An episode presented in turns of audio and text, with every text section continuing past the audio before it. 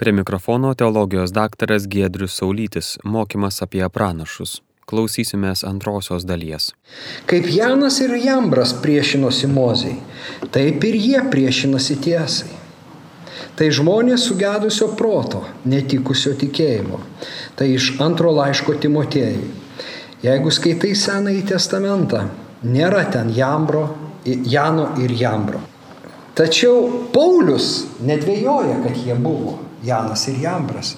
Ir jie priešinosi Mozijai. Iš kur Kur apie juos skaitome? Pasirodo, netgi yra toks tekstas, kuris užvardintas Jano ir Jambro apokrifas.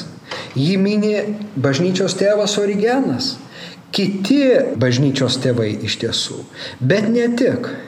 Janas ir Jambras minimi Saliamono testamente, Kumrano rankraščiuose, Babilono Talmude, pseudo Jonatano targume.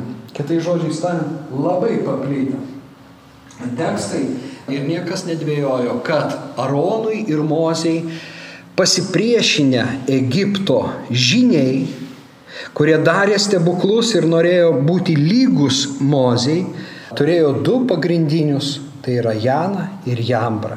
Ir apaštalas toje dvikovoje, Dievo pranašo, siūsto Jahvės, Mozės ir Arono ir tų žinių Egipto, mato analogiją Kiekvienai kartai, kiekvienoje kartoje yra Dievo žmonės, kurie susikauna su tais, kurie nori būti lygiais Dievo žmonėms. Ir tarsi irgi daro ženklus. Visgi tie ženklai nėra tokie dideli, kaip Dievo pasiustų žmonių. Taip masto ir Paulius.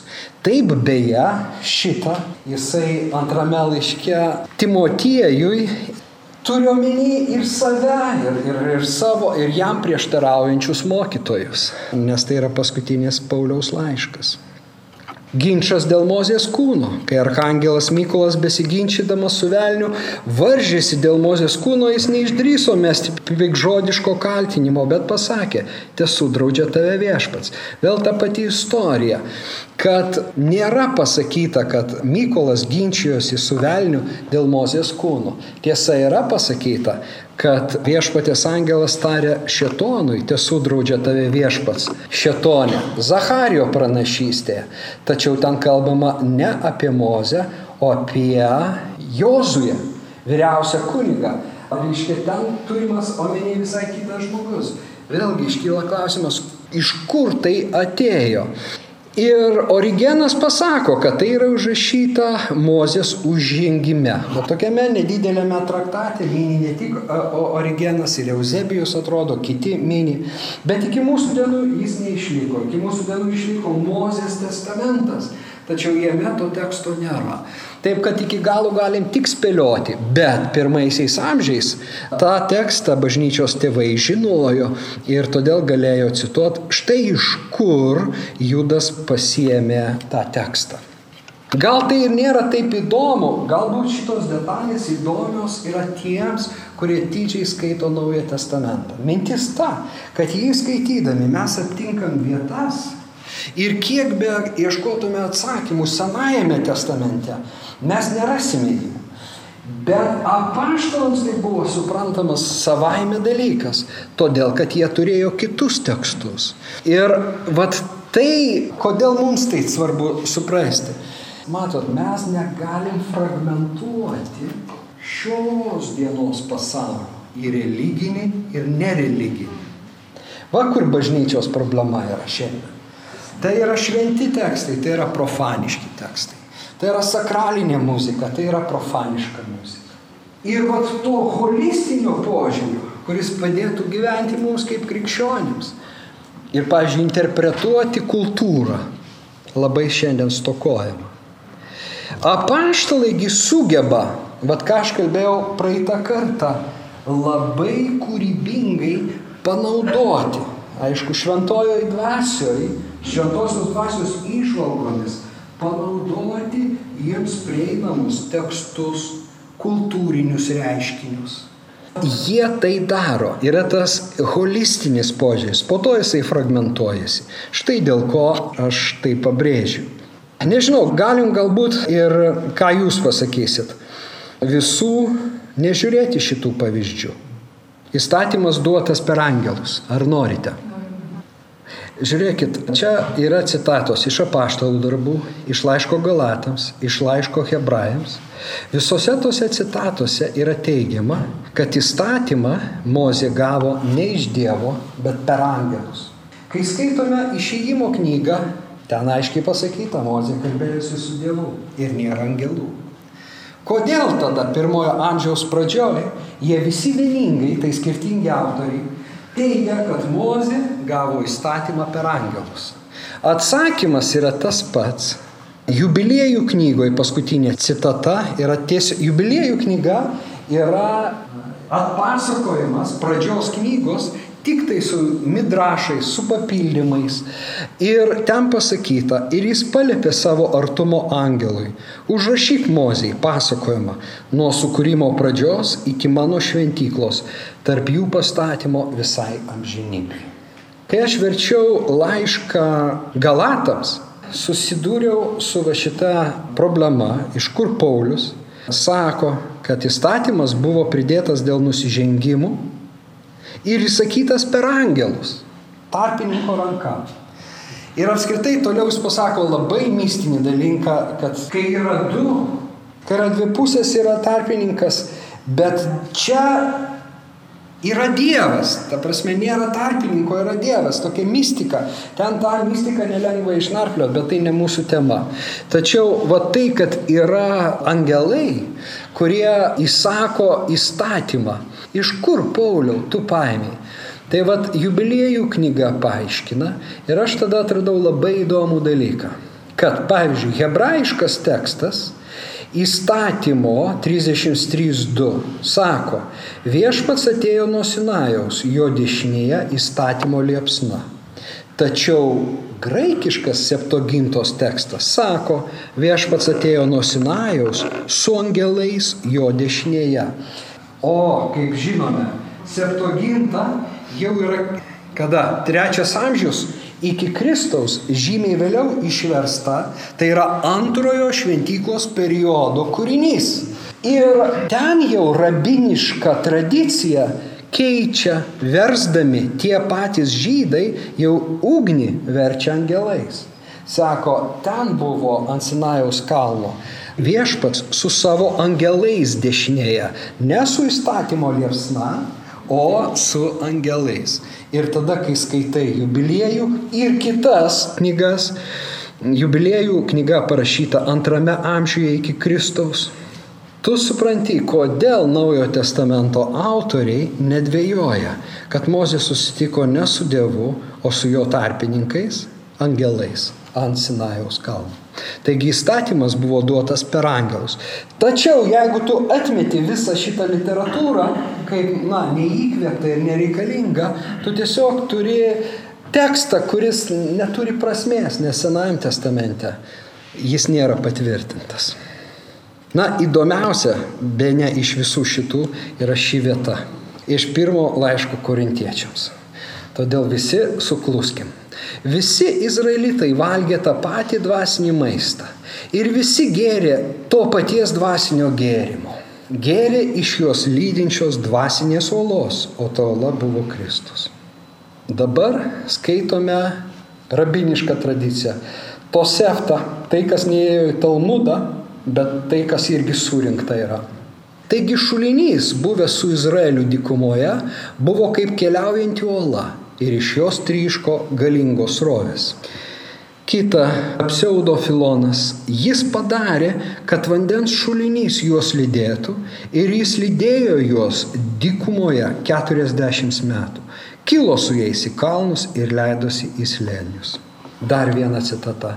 Kadangi jis šulinys jiems buvo duotas, jis ėjo drauge į slėnius.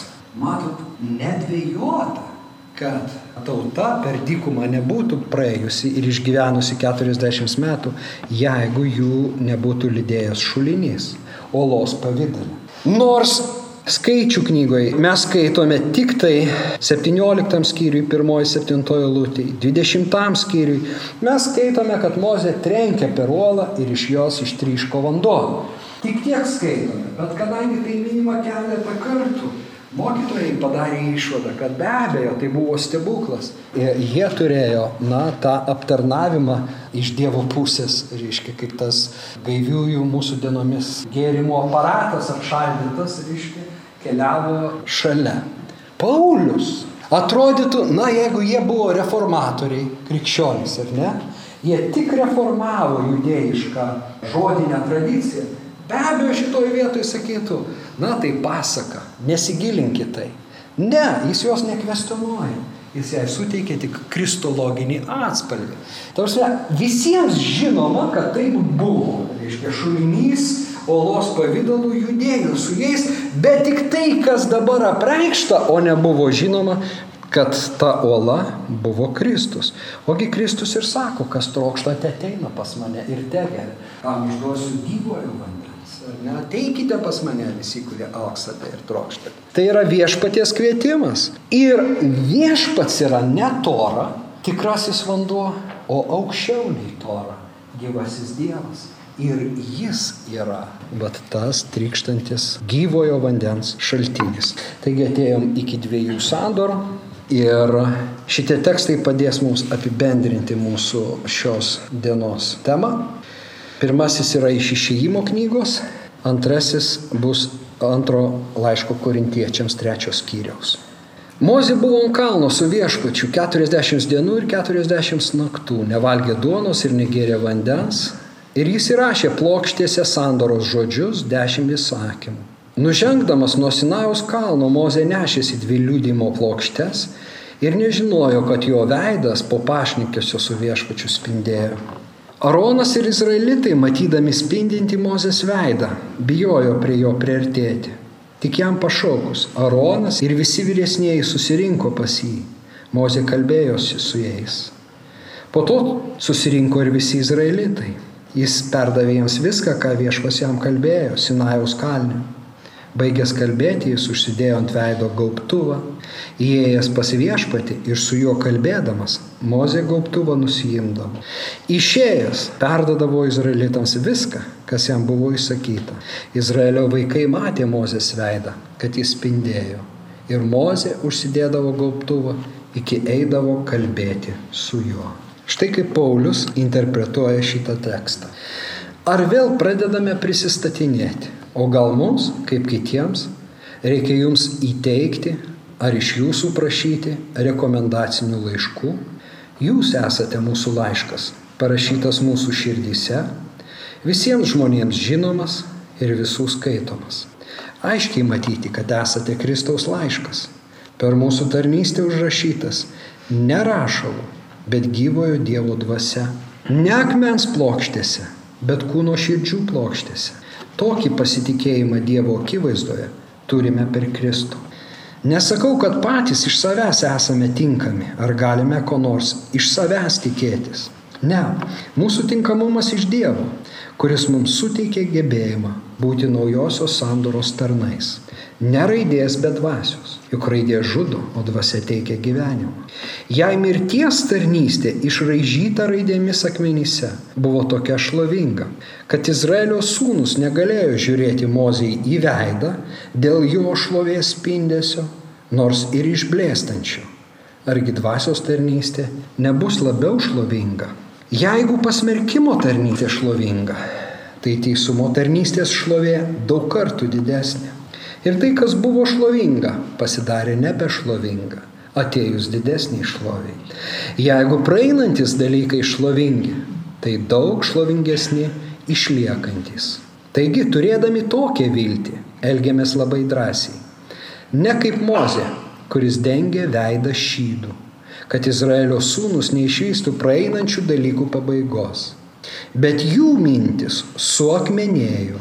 Tas pats šydas, skaitant senąją sandorą, iki šios dienos lieka nenugoltas. Nes tik Kristuje jo nebelieka.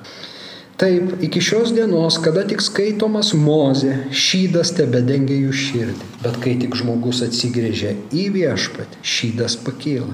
Viešpats yra dvasia, o kur viešpatės dvasia ten laisvė. Mes visi atidengtų veido, lik veidrodis atspindėdami viešpatės šlovę, esame keičiami į tą patį atvaizdą, išlovės išlovę. veikiant viešpaties dvasiai. Taigi apibendrindamas aš surašiau tokias tezes.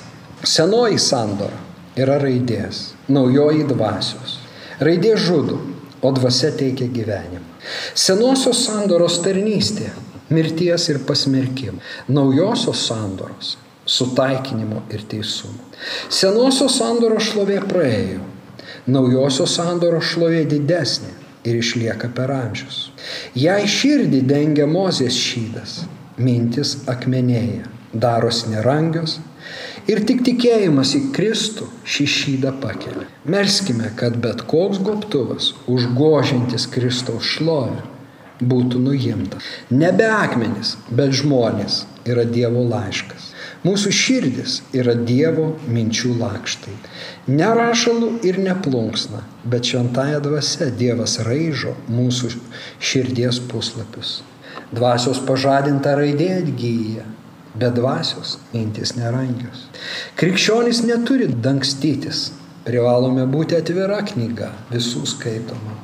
Dvasia teikia širdies ir gyvenimo laisvę. Raidė įkalina ir iškreipia Dievo paveikslą.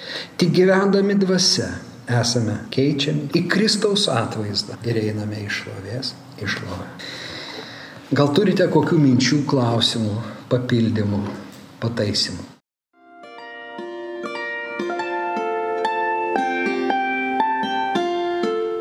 Jūs girdite Marijos radiją.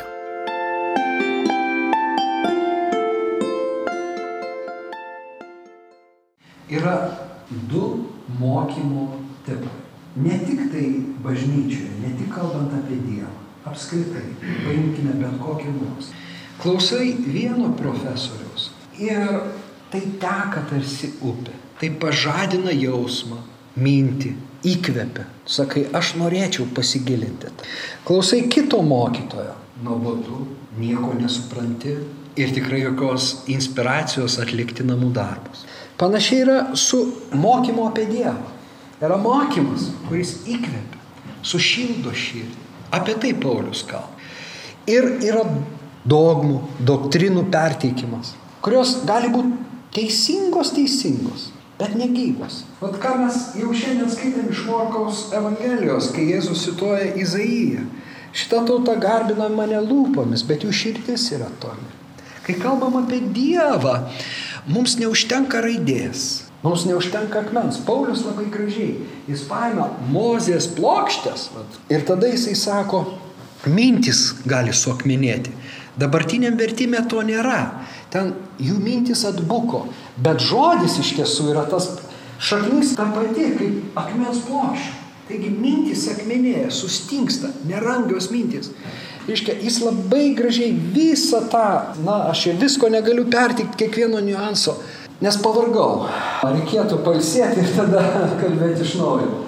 Nes čia labai daug niuansų vat, paslėpta. Bet atsakant į jūsų klausimą, Tai va tas va mokymas, kuris, jūs klausėt apie kurią, čia raidė įkalina, jo? Reiškia, įkalina doktriną. Šiandien yra labai daug krikščionių įkalintų savo konfesinėse doktrinose.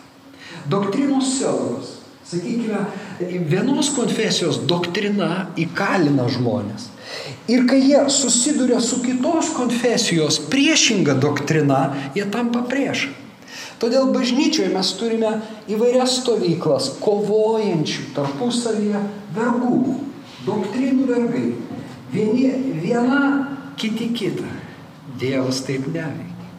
Dievas nori išlaisvinti ir vienus, ir kitus, kad mes pamiltume vienas kitą. Apie tai Paulius kalba, kai ateina šventoji dvasia. Šventosios dvasios vaisius. Arba aš netgi verčiu regis derlius. Nes tas žodis gali reikšti ir derlių, yra meilė. Nes toliau vardinama daug meilė, džiaugsmas. Kai ateina šventoji dvasia, širdis prisipildo meilės, tu nebegali nekesti. Tu sakai, visi turi ribotas doktrinas. Nėra nei vienos doktrinos iki galo teisingos. Todėl žiūrėkime, kas pasitarnauja tarpusavio ūkdymu. Tai va čia būtų vienas pavyzdys - įkalina raidė. Gali raidė įkalinti pasmerkime, pavyzdžiui. Aš taip bijau Dievo ir aš esu įkalintas baimė.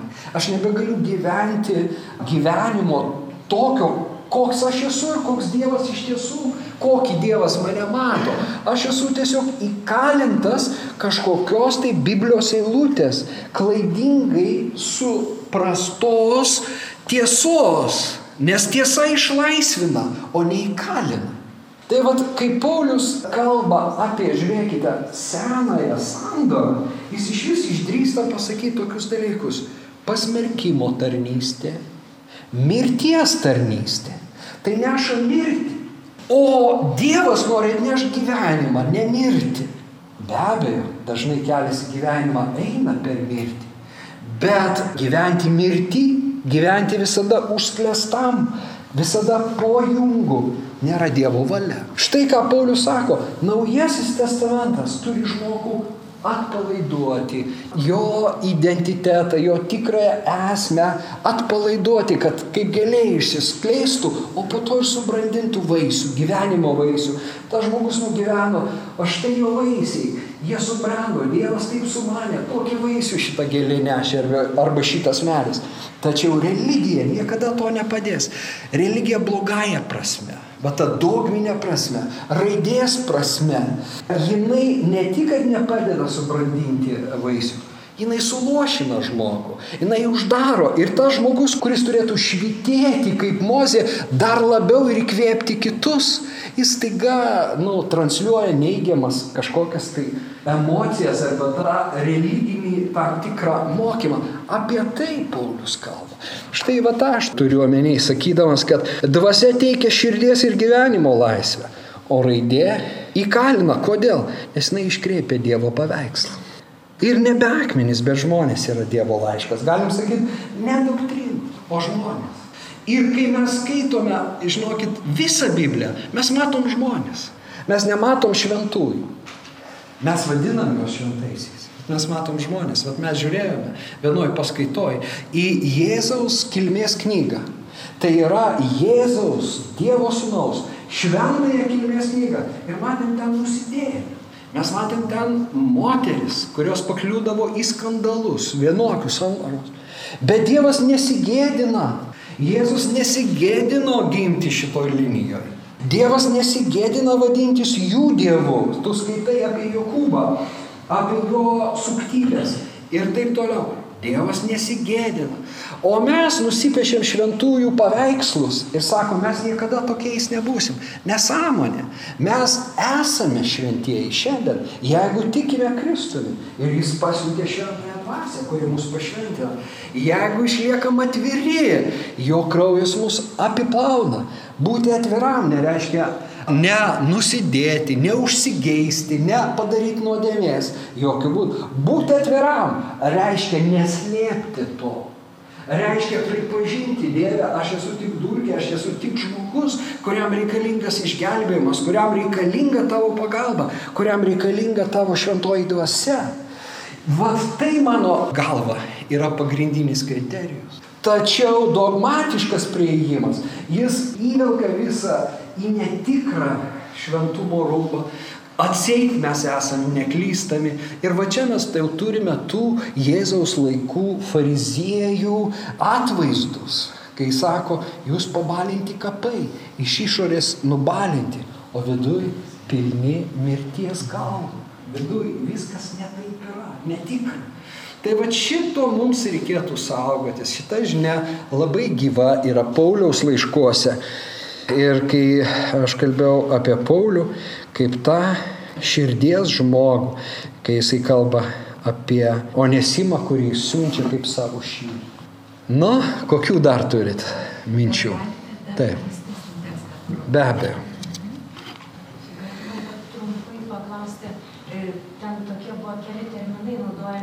Įkvėpti tekstai. Taip. Gal dar trumpai pasakyti, nu, kuo remiantis, sakykime, arba Taip. Matot, šitas klausimas labai tapo aktualus krikščionių jau trečiam, ketvirtam amžiui, na, sakykime, apie, apie trečią amžių, kai formavosi naujojo testamento kanonas. Bet tas pats pasakytina ir apie Senąjį testamentą, nors ten dar sudėtingiau. Todėl Paimkime Naujojo testamento kanono formavimąsi kaip pavyzdį. Matot, reikalas toks, kad iki laiko bažnyčiose buvo skaitomos Evangelijos, Pauliaus laiškai, bet drauge tokie tekstai kaip Hermo ganytojas, Didahir ir kiti tekstai. Bet reikėjo visgi pasakyti galiausiai, kas yra mūsų krikščionių šventasis raštas. Ir atsakydami į tą klausimą, to meto bažnyčios lyderiai kai kuriuos tekstus atidėjo kaip neįkvėptus ar mažiau įkvėptus, o kitus šventosios dvasios įkvėptus. Ir tokiu būdu susiformavo kanonas. Kanonas jau nebekinta. Tai yra konkretus knygų skaičius, berots 29 knygos Naujajam testamente, kuris sudaro šventą įraštą Naująjį testamentą. Tai ir visi, kas pakliuvo į jį, yra įkvėpti raštai. Kas nepakliuvo, yra neįkvėpti. Tai, ką aš pasistengiau parodyti, kad įkvėpti autoriai cituoja neįkvėptus kaip labai įkvėptus. Ir kad ta problema egzistavo kanonų susiformavimo metu. Bet ir šiandien jinai labai pabrėžiama dažnai ir be reikalo. Nes šiandien mums jau prieš mus yra kiti uždaviniai. Jie sprendė savo uždavinius. Mums nebereikia spręsti šitų klausimų. Mes žinom, kas yra Naujas testamentas ir jį skaitykime daug dievę, kad vien tik jį pažintume. Bet jeigu mes jį skaitom pakankamai ilgai, na, pavyzdžiui, 30 metų ir daugiau, Vat tenka atsakyti kai kurios klausimus, kuriuos mes šiandien ir palėtėme. Tai va čia įkvėptumo problema kai kuriuose konfesijose yra ypatingai išryškinta ir ypatingai sureikšminta. Ir pavyzdžiui, antrojo kanono knygos, kurias aš paminėjau, Senojo testamento knygos, iš viso neskaitomos, draudžiamos skaityti, nes jos gali atnešti klaidingą mokymą. Va toks mąstymas. Be abejo, aš su juo negaliu sutikti. Ir kaip matom, tas įkvėptumo klausimas nėra toks jau iki galo ir išspręstas. Todėl aš sakyčiau taip, o čia buvo dar ir Rūtos klausimas praeitą kartą. Jeigu apaštalai taip citavo Senąjį testamentą, o kaip jie citavo? Kūrybingai, nenuspėjamai. Mes tiesiog nenuspėjom. Arba kaip rabinai cituoja Senąjį testamentą. Nelauktai, netikėtai. Tada mes galim sakyti, iškyla erezijos pavojus. Bet galim pasakyti, erezijos baimė jau yra erezija. Reiškia, ar aš gyvenu baimiai visą laiką suklysti, ar aš suklystu ir iš klaidų mokausi. Ne? Aš suprantu, kad aš kažką galvojau vienaip, kai man buvo 10 metų Kristuje, bet kai man yra 34 metai, aš jau daugelį dalykų pamečiau. Apaštalo Pauliaus žodžiais tariant, kai buvau vaikas, mačiau kaip vaikas, galvojau kaip vaikas, kai užaugau, pamečiau tai, kas vaikiška. Daug dalykų tu nukrenta. Kai aš taip mačiau, bet taip nebemastau, aš taip galvojau, man atrodė, kad tai tiesa, iš tiesų taip nebuvo. Bet vaikystėje tai leidžiama, suaugusiam žmogui nevertėtų. Nevertėtų. Tai va tai va yra va, su tom dvasiniam tiesom ir su tais šaltiniais, kurie vienu metu jų taip bijoma ten jiems, va, na, sakykime, skaitydamas Platoną, žmogus susipainios visiškai.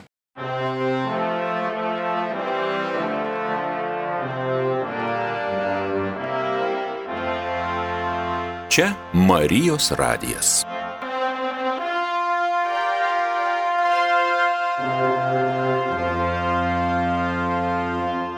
tų sandorų senosios ir naujosios skirtumas esminis. Nes ir Jėzus sako, nemanykit, kad aš atėjau panaikinti įstatymą ar pranašų.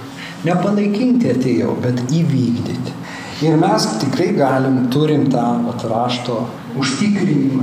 Raštas patikina, kad jis įvykdė tai, ko mes negalėjome įvykdyti.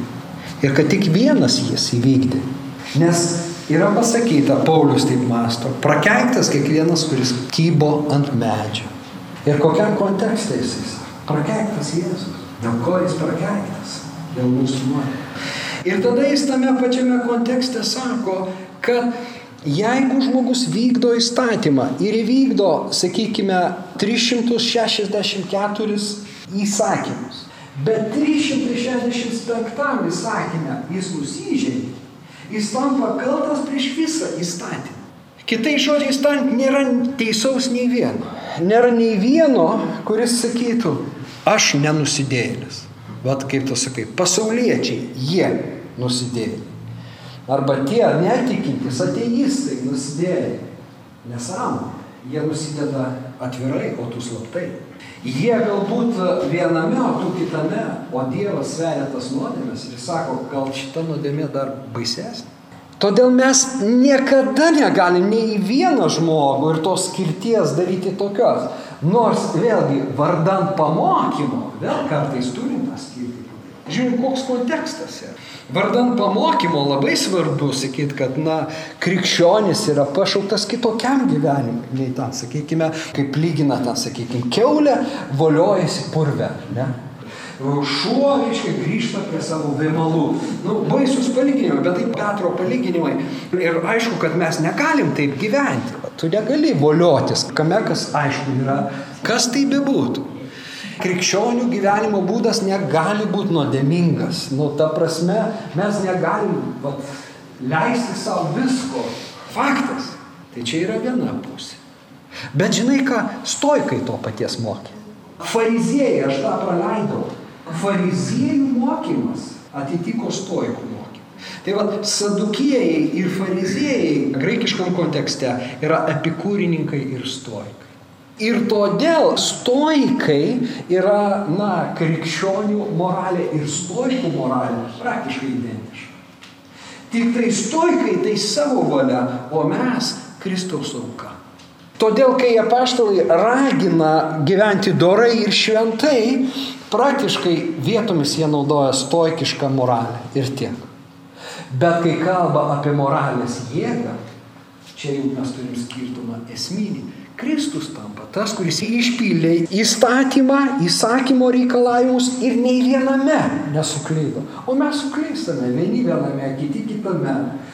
Ir ta prasme mes esame broliai. Mes esame kančios broliai. Mes esame nuodėmės broliai. Ir Kristuje mes esame prisikėlimo broliai ir seserys. Mes esame šviesos vaikai, ne tamsos vaikai. Bet tik prisikėlėme, tik Kristuje. Be jo gyvename be vilties, be Dievo pasaulį. Ir visai nesvarbu, ten didesnės nuodėmės, mažesnės nuodėmės. O Kristuje jos visus padengtos. Nuo mažiausios iki didžiausios. Ir aišku, jeigu aš taip jaučiuosi, kaip aš smerksiu kitą? Kaip aš galiu, nes pasmerkdamas kitą, aš pasmerkiu save. Va kur problema yra. Kai aš su pasibjaurėjimu žiūriu kitą, aš iš tiesų netalpinu savęs. Nes arba aš savęs dar nepažįstu. Tai va šitas mąstymas turėtų mums labai padėti ir išlaisvinti iš dalies. Ačiū Jums labai, dėkoju ir Dievo palaiminimų toliau gilinantis į raštą. Sudė. Klausėmės teologijos daktaro Giedriaus Saulyčio mokymo apie pranašus, girdėjome antrąją dalį. Likite su Marijos radiju.